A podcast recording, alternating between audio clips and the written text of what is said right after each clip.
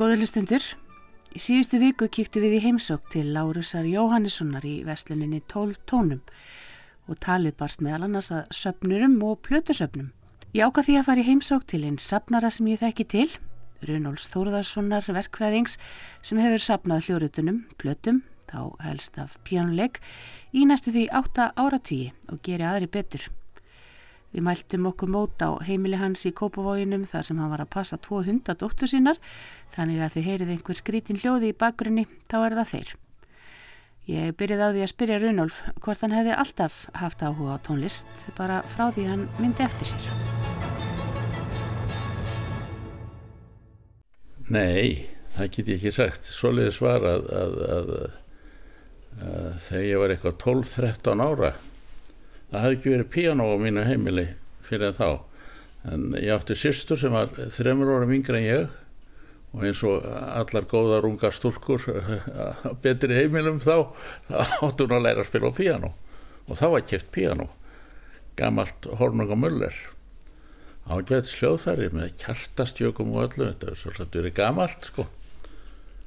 Og ég fór eitthvað að fyrta alltaf í þessu pianoi svo leiðis að, að, að eh, fóröldir mínu þau spurði mig hvort það mig langaði til að læra piano líka. Jújú, jú, ég var alveg, var alveg til í það. Og þá var uh, þannig á, ég var átti heima á Hávallagutinni Hávallagut 27 að nokkrum húsum neðar í gutinni bjó tengdamóðir finns eina svona hérna bóksala sem var með búðlenginir í Östursræti hérna Ásta Einarsson hér tún hún var eitt af fyrstu Íslandingunum sem lærði að spila á piano ellendis og það var nú í, í Skotlandi. En svoleiðis var að hún var náskild Sveinbjörn Sveinbjörnsinni og, og þess vegna fór hún að læra hann í Edinborg það sem hann var. Og svo kom hún heim og hún var, hefur greinlega verið flinka því að hún varð bara aðal undirleikarinn hérna í Reykjavík upp úr aldamótonum 1900 og, og, og lengi fram eftir öllu að því að það var nú ekki mögðu að garda Gresja þá, þannig að hún var mjög vinsall undirleikari, kom ekki að söngurum hingað sko, svona og heldur tónleika og þá var ást alltaf fengið að spila og og hún var fullorðin konar þegar ég kynntist henni náttúrulega sko að því að, að þú sér að, að, að það er ekki fyrir en svona 40 og sennilega 1-2 ég var eh, byrjar í mentarskólinu þá. Það var mentarskólinu 6 ár. Frá fyrsta til sjötta bekk. Þá var sem sagt þegar sýsti mín aðeins byrjaði að læra og keitt þetta piano og, og ég fór og það var úr að, að ég fór til frú Ástu Einarsson alltaf kollu frú Ásta Einarsson múðulega svona dönsk æ, e, mikil dönsk áhrif í hennar. Hún var ráðin ekki eitt til margra ára maður hennar það hefði verið dýralegnir hérna í Reykjavík. Og e, mikil svona hefðar kona en, en flink og vissi alveg hvað hann var að gera í píanospili já já og þarna byrjaði ég og, og, og svo var bara haldið áfram. Hvert fórstu þá? Ég held áfram hjá henni í einn, tvö, þrjú ár. Átni Kristjánsson átti heima í samu gött og ég þannig að háallagötunni verið rétt hinn með við hásallagötuna og það var úr að ég fór til hans. Var hjá honum í tvö ár tvö, já, tvö ár alltaf alltaf, ég var aldrei í tónveitsskólan sko, bara í enga tímum og, og uh, síðan verði ég student 47 og þá vissi nú eiginlega ekkert hvað ég ætlaði að gera almenlega sko, það var nú ég var nú búin að uh, fæði mig með verkræðingur læriður í Þýrskalandi og það blundaði nú alltaf í manni að fara í eitthvað svo leiðis, ég átti gott með stærfræðina og allt það í mentarskólanum en sem sagt veturinn 47 til 8 að þá var ég svona að hugsa mig um hvað ég ætti eiginlega að gera. Og þá var úr að ég að var skiptum kennara, Röggvaldur Sigurjónsson var þá tiltölulega nýkominn til Íslands og, og held eftirminnilega tónleika í Gamla Bíó sem ég man enn eftir og uh, ég fór í tíma til hans. Og þá átti hann heima hann í húsinu í, í, í bankastrætinu þar sem að bakaríð er á hodninu þannig Lækjarbrekka heitir núna uh, veitingastæðurinn en þar bjóður Rökkvaldur og Helga. Og uh, það gekk allt saman ágætlega þannig að vetur nema það að ég gerði það upp fyrir mig á þessum vetri að ég ætlaði að fara í verkfræði og ekki að leggja fyrir mig músíkina. Hvað var ástæðan fyrir því? Já, ég fann það bara ég hef sannlega byrjað og sent ég þurfti að hafa mikið fyrir hlutunum þetta átt að vera alminnlegt sko. Ég held ég hafa nokkuð gott eira með þetta en allt er alveg en ég bara mér leist ekki á þetta. Og, og, og það var bara niður staðan og fyrir, í staðin þá var þetta bara hobby sem að ég hef haldið síðan. En maður það skjótaði hérna að sko að ég var byrjaður að safna plötum pianoplötum á þessum árum. Það, það hefur strax bara verið sannlega einhvern tíman svona í miðjustriðinu svoleiði svarað að, að uh, Haraldur Ólafsson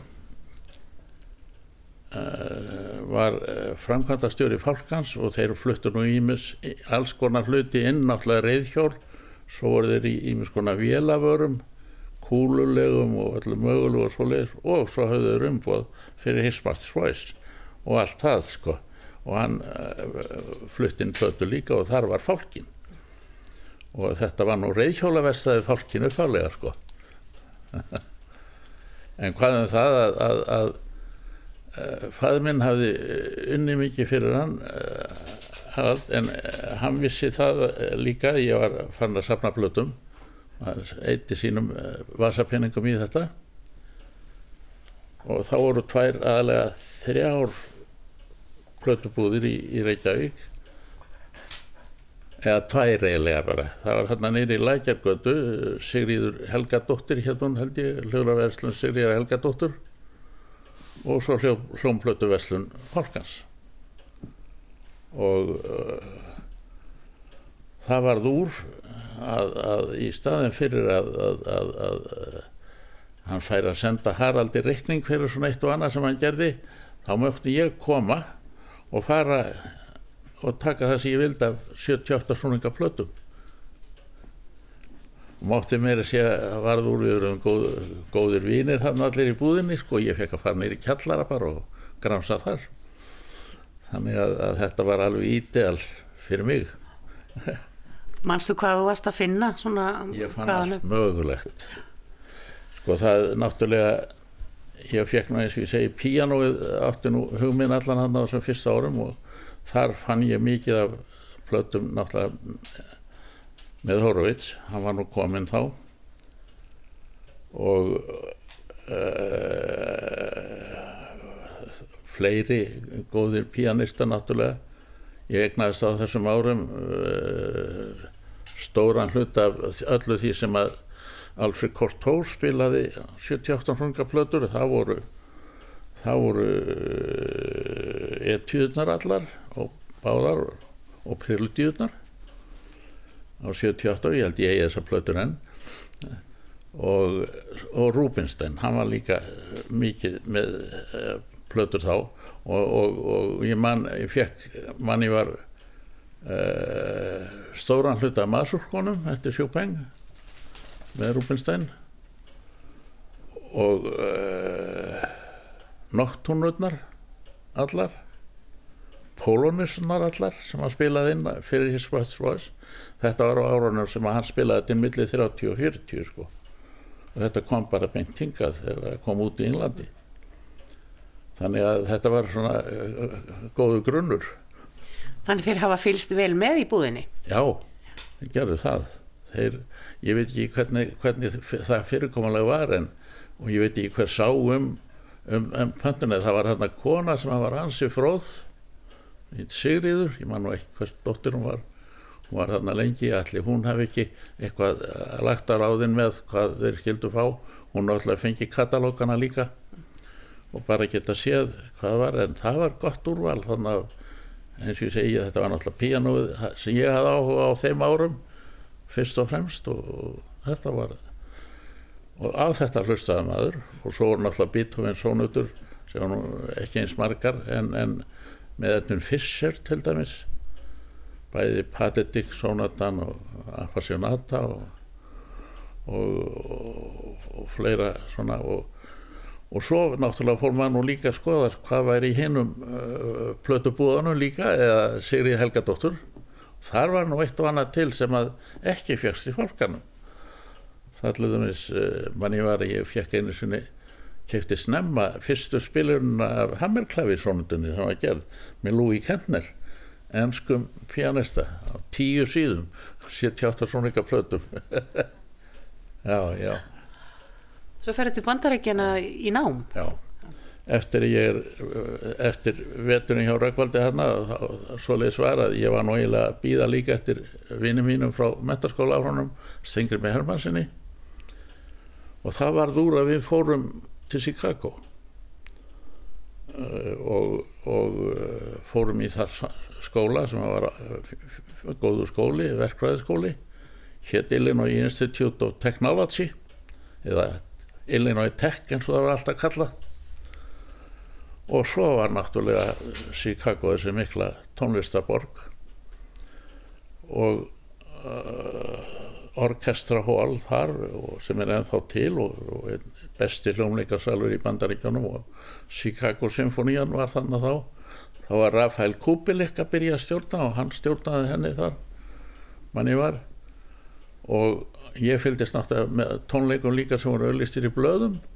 Þannig að þar hefði ég minna fyrstu Horvits tónleika 1949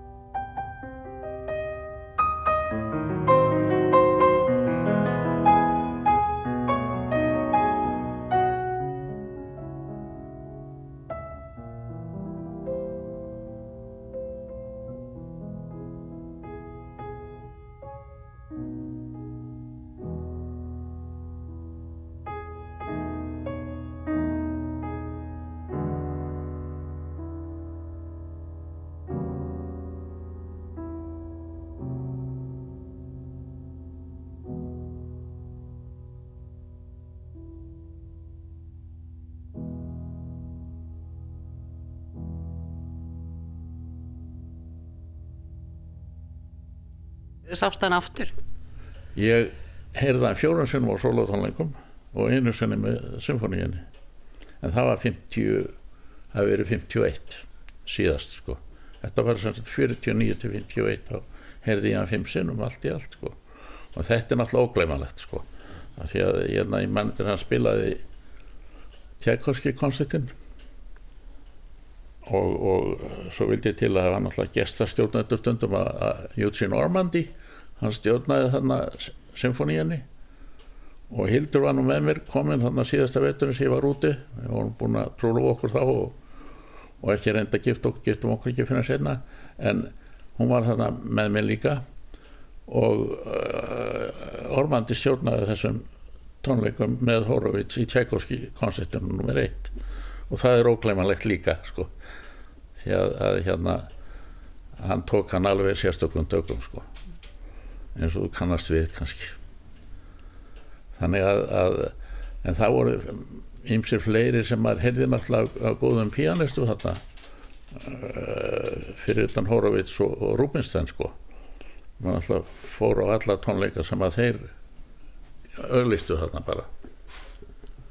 En ég man eftir uh, mannum eins og komið hann í gegn eins og Solomon frá Breitlandi Benno Mojsevits hann var mjög eftirminnilegur. Hósi í Turbi hann var líka mjög góður. Og svo fór maður líka að hlusta á ymsa góða aðra menn eins og Haifetz og Milstein þannig að þetta var, eh, það komu allir til Chicago sko sem eftir hafi verið í New York. Ég man eitthvað því ég sá það setna sko að Horowitz spilaði kannski korsett í Carnegie Hall og einhverjum ákveðnum degi. Viku setna spilaði hann sama program í Chicago þannig að þetta var bara svona rútina hjá honum að því að það var nú á þeim árum þegar hann ferðaðist um allt í lest bara og þannig að þetta var mjög gott. En hvernig þetta svo inn þessi mikli Frans Liszt áhigðin? Já, hann kom bara, ég voru að heyra músikin eftir hann. Ég byrjaði náttúrulega með góðum spilunum eins og með Horowitz sem var náttúrulega frábær listspilari á þeim árum og, og uh, ég egnaðist náttúrulega líka fleiri góðar listspilanir með honum eins og til dæmis uh, fyrstu spilun á Hámálssónutinni það er alveg frábær spilun sko sem er ennþá tekinn til viðmöðunar Er það fyrsta spilun bara Nei, Kortó hafði spilað hann inn áður. En bara einu að tveimur árum áður.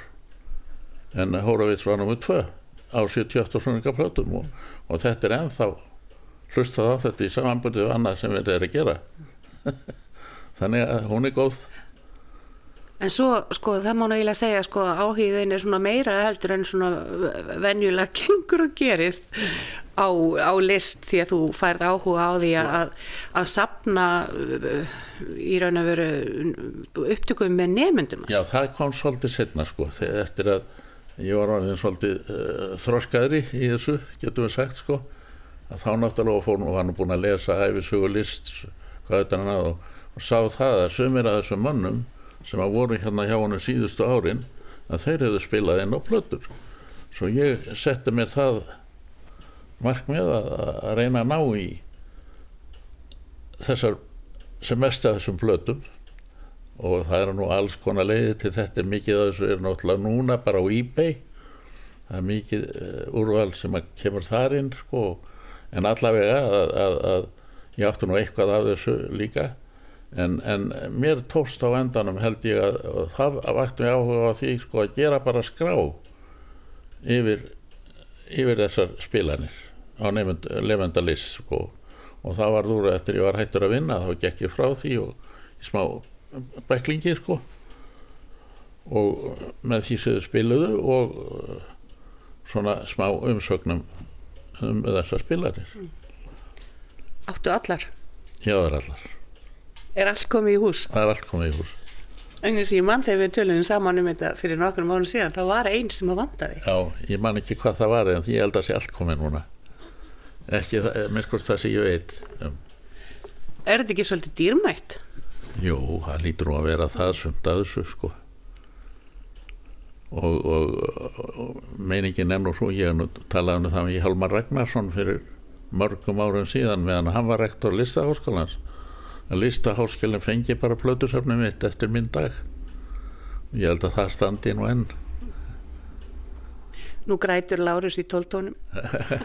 Nei, nei, hann veit þetta. Ég er nú búin að segja hann þetta fyrir laug en hann, eh, ég held að hann hafi smitað svolítið af þessum list áhuga hjá mér því hann hlustar mikið á list.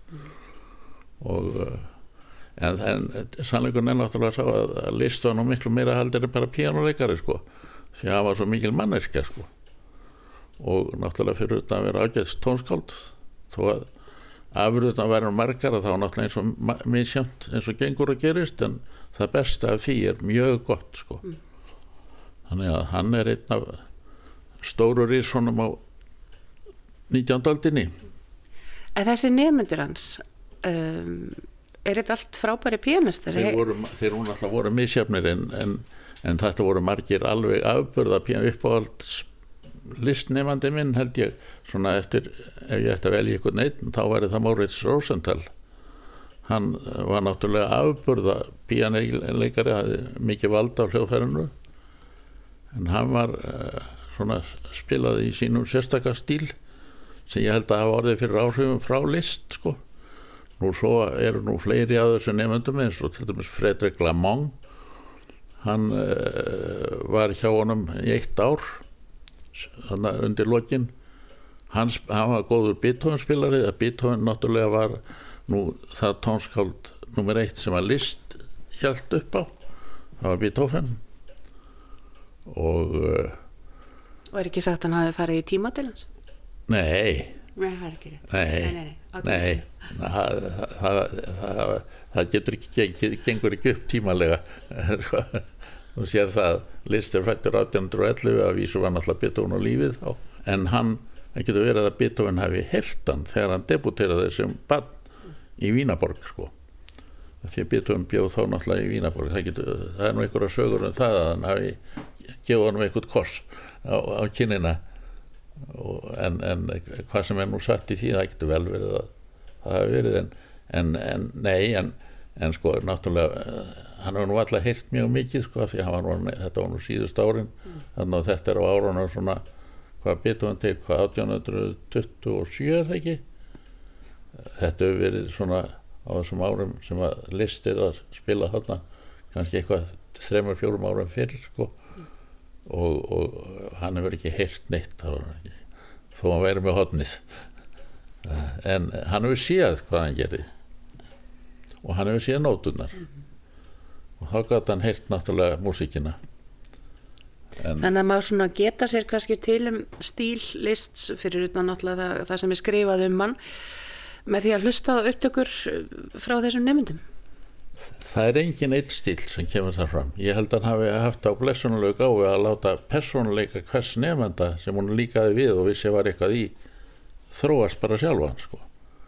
það er engin ekki, ég get ekki fundið það að sé neitt sérstakur list stíl nema náttúrulega að hjá þeim bestu þá er eh, oft mikið glæsispil og, og svona sko. Eins og hjá Rosenthal og reyndar Arthur Friedheim líka hann var nú einn af nefndum hans einna lengst. Og og uh, Lamont var náttúrulega alltaf glæsipjænist en hann spilaði heilmikið af list á sínum sínum uh, tónleikum sko. Nú uh, en ég held að, að, sagt, að, að því að hann reyndi bara að láta þróa svona eða halda fólki svona í bröti sem hann kannski líkaði við e, list sko að það er væri á réttir sjá hann bara væri á réttir bröð og, og ég held að það sé það sé nú aðalatri í þessu. Uh, Þessar upptökur og þessar sko þegar þú hefur vitað af einhverju upptöku út í heimi sem þið vantaði í sapnið um, hefur hefur hvað býður í þú hefur borgað morfjár fyrir einhverju þeirra? Sumar þeirra hvað eru að tala með um morfjár já það geta verið 200-300 dólarar einn 12 tóma plata. Jáfnvel meira. 50 skall já. En það er nú þá sjálfgjafustu sko. það er náttúrulega eins og gengur að gerist með allt svona að það er að vera gefnar út í mismunandi stórum upplögum og með suma þá er til þó nokkuð mikið sko en aðrar eru sjálfgjafari þannig að það er svona já ekki, ekki frumgerðirnar af öllum. Já bara í afriti af því að það er náttúrulega þeir hafa verið aldrei döglegir að gefa út á CD sko. Mm. nefnendur list og uh, uh, eiginlega allir konir á CD sko. Ætti, ætti þessar upptökur í raun og veru ekki að, að heima á er þitt sapn og gefa út eða, bara í, í, í heildar útgáfu nefnendur list. það, það væri náttúrulega ágætt en, en ég veit ekki sko ég eh, held að þetta verði sér best komið þannig hjá listafólunum af því að það er náttúrulega píanodild og þá geta nefnendur ef þeir hafa áhuga á að heyra eitthvað sko, furður lítill áhugi í sjálfur sér hjá píanonefndum að heyra gamlar píanoupptökur þeim finnst þetta ekki bara rétt spila sko. en, en áttast ekki á því að tímandi breytast og menninni með sko. stílinn í gamla dag var alltaf öruvísi þessi romantíski stíl heldur en hann er í dag sko. og og hrafi og, og rúbat hrafi og allt mögulegt já og svo náttúrulega eru voru þeir nú margir af þessum með svona spiluð ekki nákvæmlega nótan og voru með smá improvisasjón og svona sko alveg eins og list gerði sjálfur sko. Það er nú sagt að hann hef aldrei spilað neitt af sínum verkum eh, tvisasunum eins sko. Ekki og, nákvæmlega. og oft hægri og vinstri ekki saman nei, í einu. nei, já já allavega. Já. það er eh, all, allavega.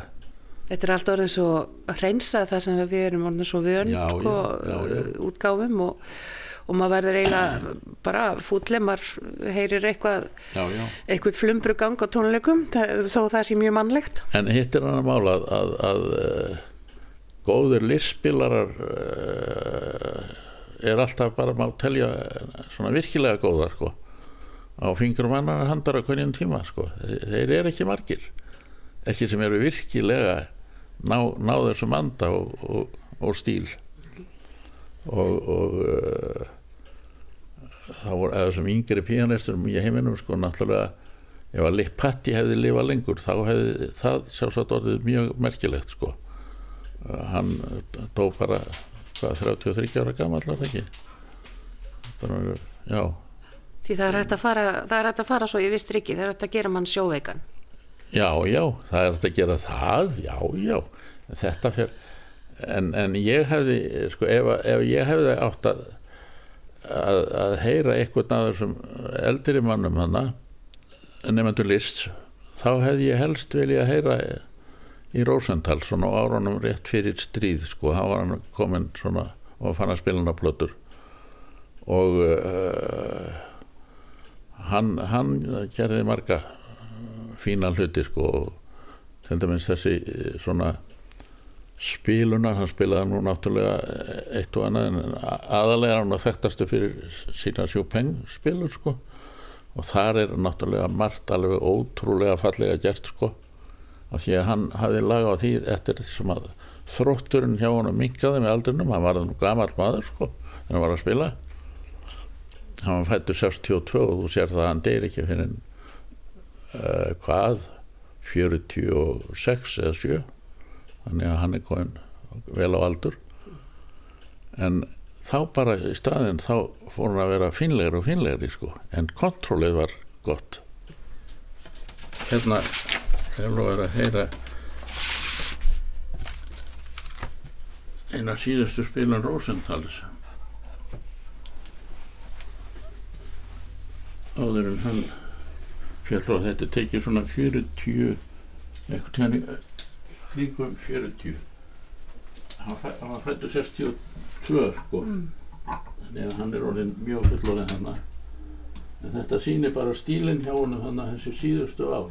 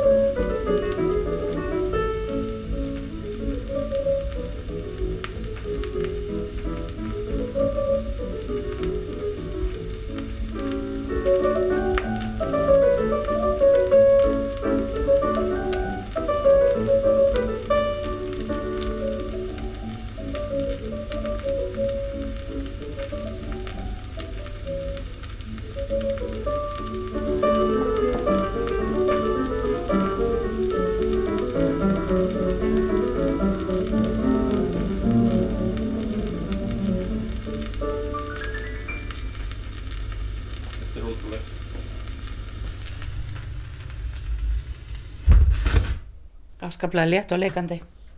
Já, þetta er svo fýtt stíl í þessu. Já.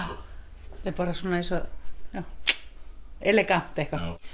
En svo veit ég að þú ert líka, þú ert með mikið af hljóðritónum með Rachmaninoff sjálfum og, og líka Busoni. Já, já.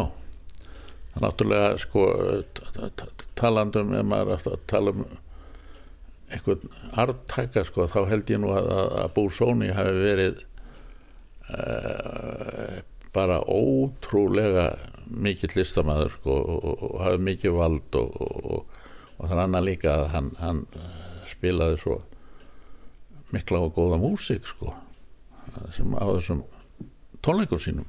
Þetta var ekki hann náttúrulega var mjög góður og mikill listspilari sko.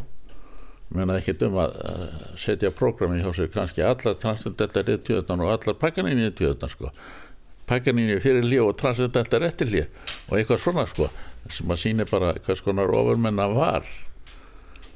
Nú náttúrulega hann gerði ekki því miður nema fjóra plötur.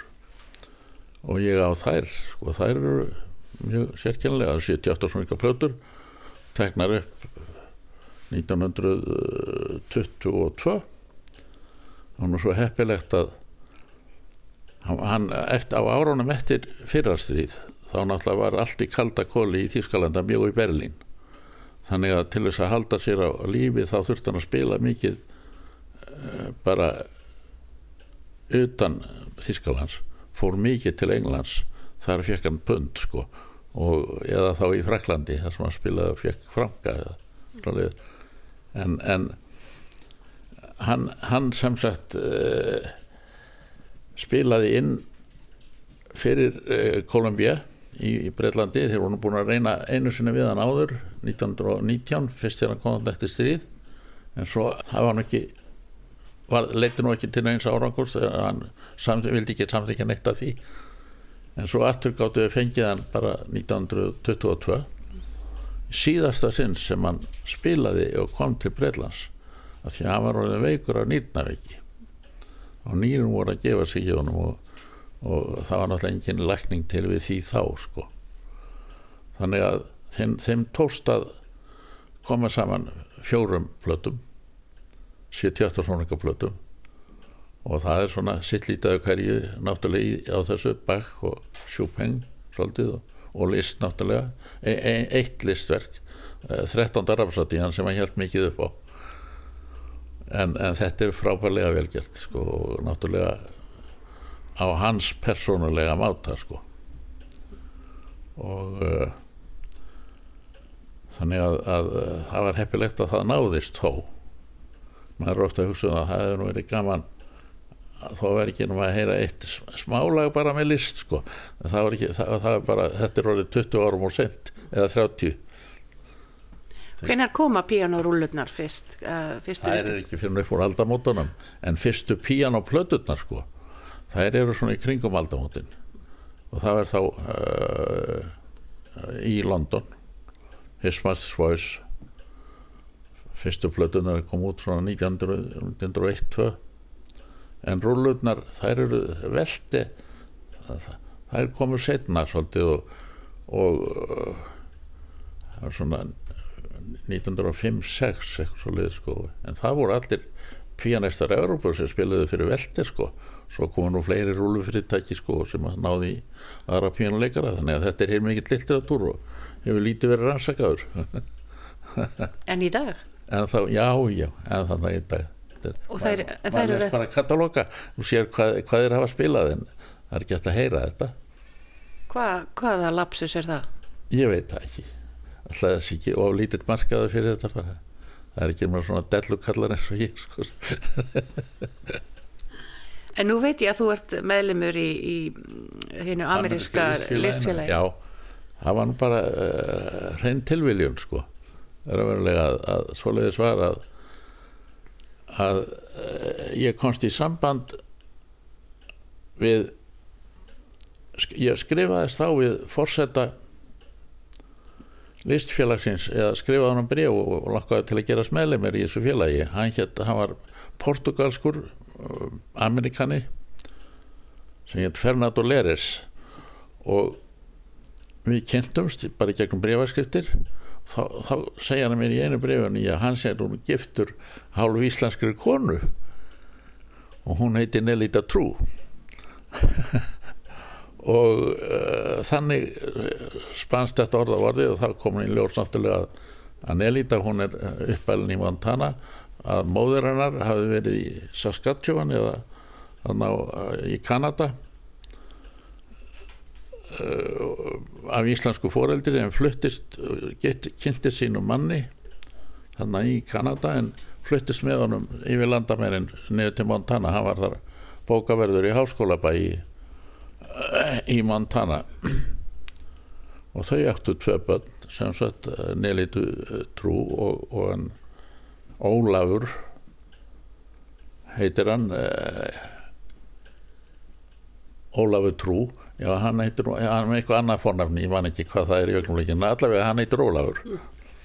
Og, og, og, og það spannst að þessu sávinskapur að við eh, þau komum hérna til Íslands ennum tvisasinnum sko og, og ég hitti þau oft náttúrulega út í hún, hún var svo lengi kennari í Ísman School of Music sko, hún neilita en þá var uh, Fernando var náttúrulega mikið eldri en hún hafa fættið 25 í maður rétt. Mild, uh, og þau voru ballaus en hann fjall frá og hún fjall bara á sem að kenna þar en hún kom á eftirlega núna.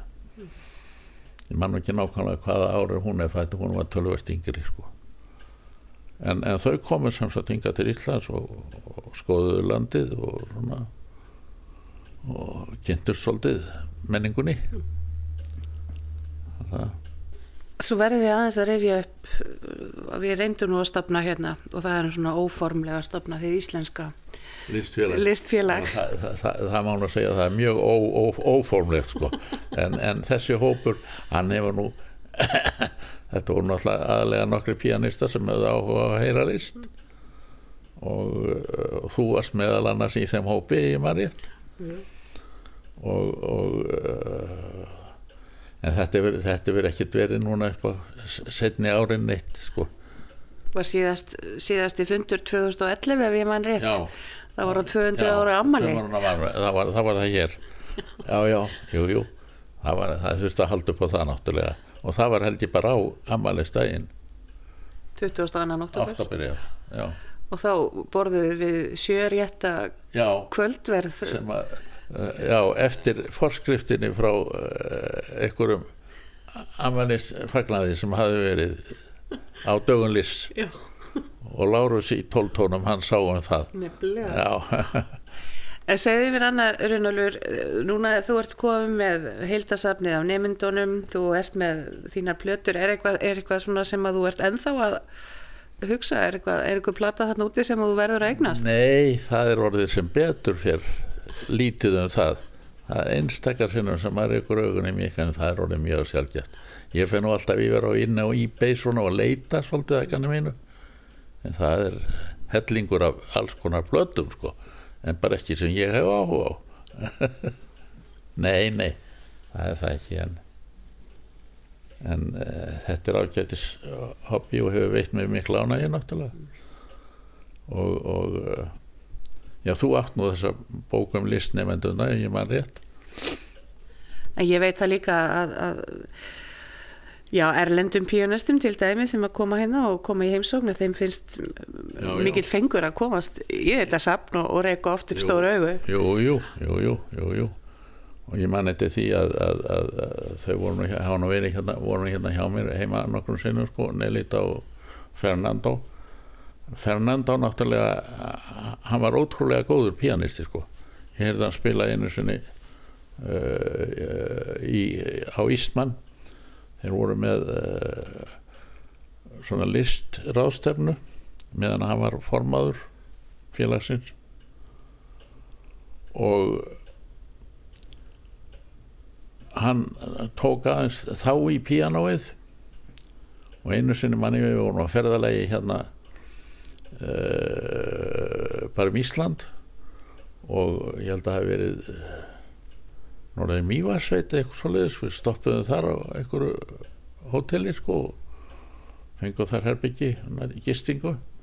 Og hafa píano þar í salnum og hann settist allt í hennar niður við það og, og tók Debussy þannig að ljósbrota vatni í vatni eins og ekkert væri sko. Þannig að hann átti gott með þetta.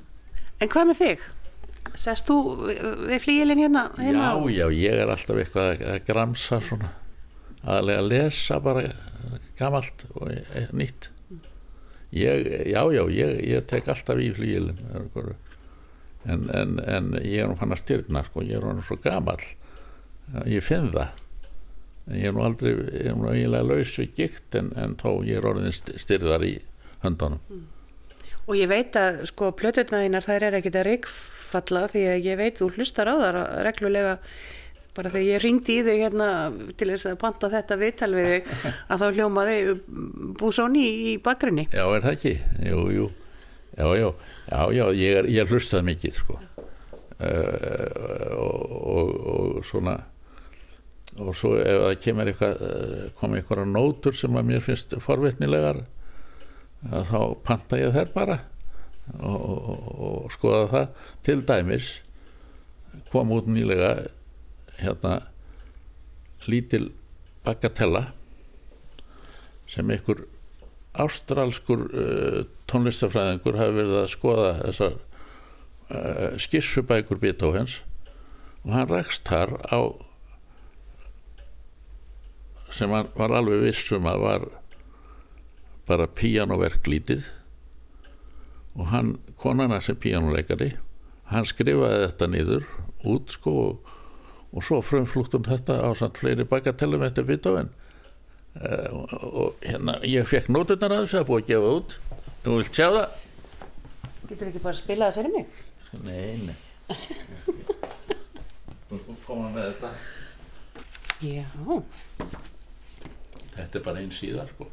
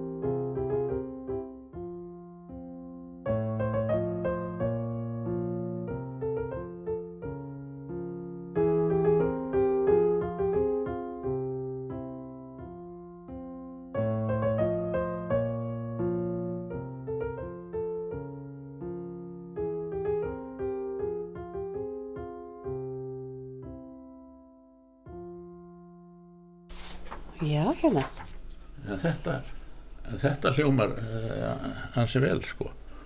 Og, og uh, þetta er ekkert að beita en hérna sérðu sko þess að þeir fundu þetta út úr skissubókunum. Það er ímislegt að koma í ljós. já, En þá, er það ekki? Jú, jú, já þetta sér þetta er alveg nýtt. Já, já. En hann, þessi maður sem var giftur þessari, þessum píanista konu, ég man ekki hvað hann heitir hann skrifa nú formúla að þessu sko hérna. Hann sendur hérna Associate Professor Peter McCallum University of Sydney 2009 en er þetta ekki svolítið merkilegt að enginn hafi fundið þessa skissu, uh, skissu Já. áður? Já, ég myndi halda það því nú er þetta ekki fyrsta þessi skissubókur opnuð, hún er í Berlín sko, þetta er þessi svo kallaða Kullag skissubók. Og ég, hann, hann, hann sá þetta og las þetta ég með maður fyrir að skoða þetta nána og sér maður þetta sko. Já, já, en það er nú, það er nú alveg sérfræðingar til að lesa líka nótnaskrift uh, svo er ég hérna er gaman af svona Leslie Howard sem er nú piano, pianisti Og mikill listmaður. já, hún að spila allan listin hann, hann uh, fann þennan vals Petit Vals sem hann kallar þetta er svona og það stendur hjá list sko í handritinu Nackspil Zuten drei, Vergessenen Walzer Valsi Vals Já, já. og, og, og þetta er hansi skemmtilega stykki hann sendir mér nótunar af þessu ég hef hitt hann nokkrum sinna sko.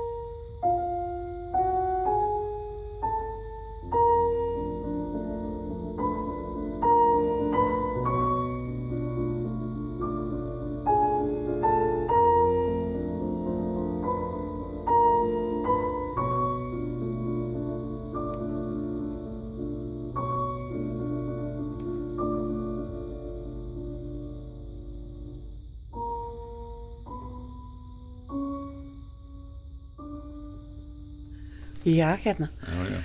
Þannig að, já, þú, þú, þú ert eiginlega bara, já, þú ert í gramsinu ennþá, Ég er Rönnólfur. náttúrulega og ég hérna eitt dálítið merkilegt verk svoleiði svarað þetta er eftir Karl Otto Rönnólfsson að þeir voru uh, dálítið fjarskildir þetta sama Rönnólfsnafnið faðinn minn og Karl og, og þeir voru ungi menn þá voru þeir voru þeir eh, hérna uh, miklu mátar. Og þegar að Karl gefur út uh, sín fyrstu sönglög opus 1 bara held ég að sé þrjú sönglög og, og svo den farin er Sven ég man ekki hvort það var þannig alveg nú í opus 1 eða hvað að þá fekk hann uh, pappa til þess að tekna fyrir sig sko út uh, forsíðuna. Hann var flinkur að tekna og, Já. og allt það sko, hann gerði það og, og svo kemur þetta út og allt í lagi með það. En uh, hann vildi ekki taka neina peninga svo að Karl réttir hún þetta. Þetta var 1932 Já, Já, hann réttir núna þetta, já, þú getur átt þetta þá, það getur verið þetta komið að gagna einhvern tíman. Og, Og þetta er eina eintakið eina eintakið, já, já, þetta er nú ljóskopið en eintakið er á góðum stað hjá mér. Hefur það verið að spila? Ha, Nei, nei, nei, nei. Ég, ég er eini maður sem spilaði þetta. Viltu ekki leiða okkur að heyra smá Nei, byrjunina? já, það, hún er nú bara krómatísk.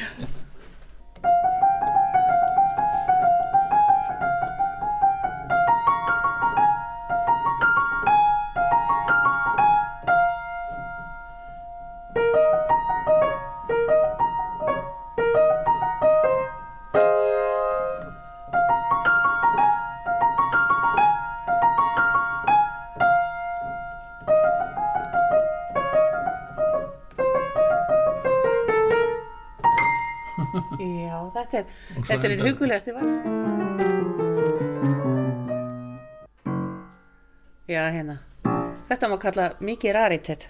Þetta er raritet sko og, og, og þetta ætla ég nú að, að láta setja bara inn á landsbókarsafnið sko í, í söfniðans Karls þar. Já. En þetta verður að fá að heyrast. Já það ætla uh, ég, hef ekkert sko speklað í að, að útbjóða neitt. En Runnálfur, ég bara ætla að fá að þakka þér fyrir að taka á móti mér. Og- ekki heyra, heyra eitthvað áður nú ferð skemmtilegt? Jú, endilega lögðu mér að heyra Þannig að ég nefnilega fór að rifja upp um daginn að því að við erum að tala um Horowitz að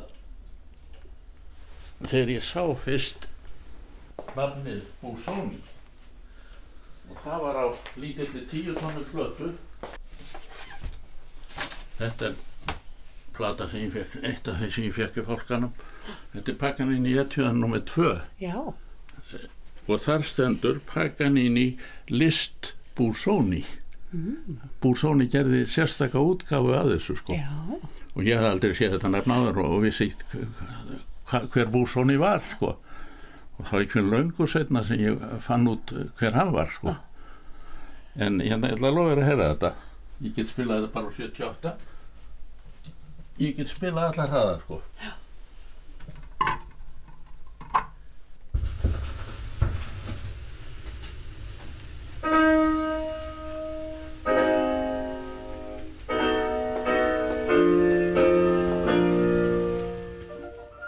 Ég þakka Runolfi Þórðarssoni kærlega fyrir spjallið. Við ljúkum þessu í dag á leik Busónis á list Paganini etjuðu. Þanga til næst. Hafið það sem allra best.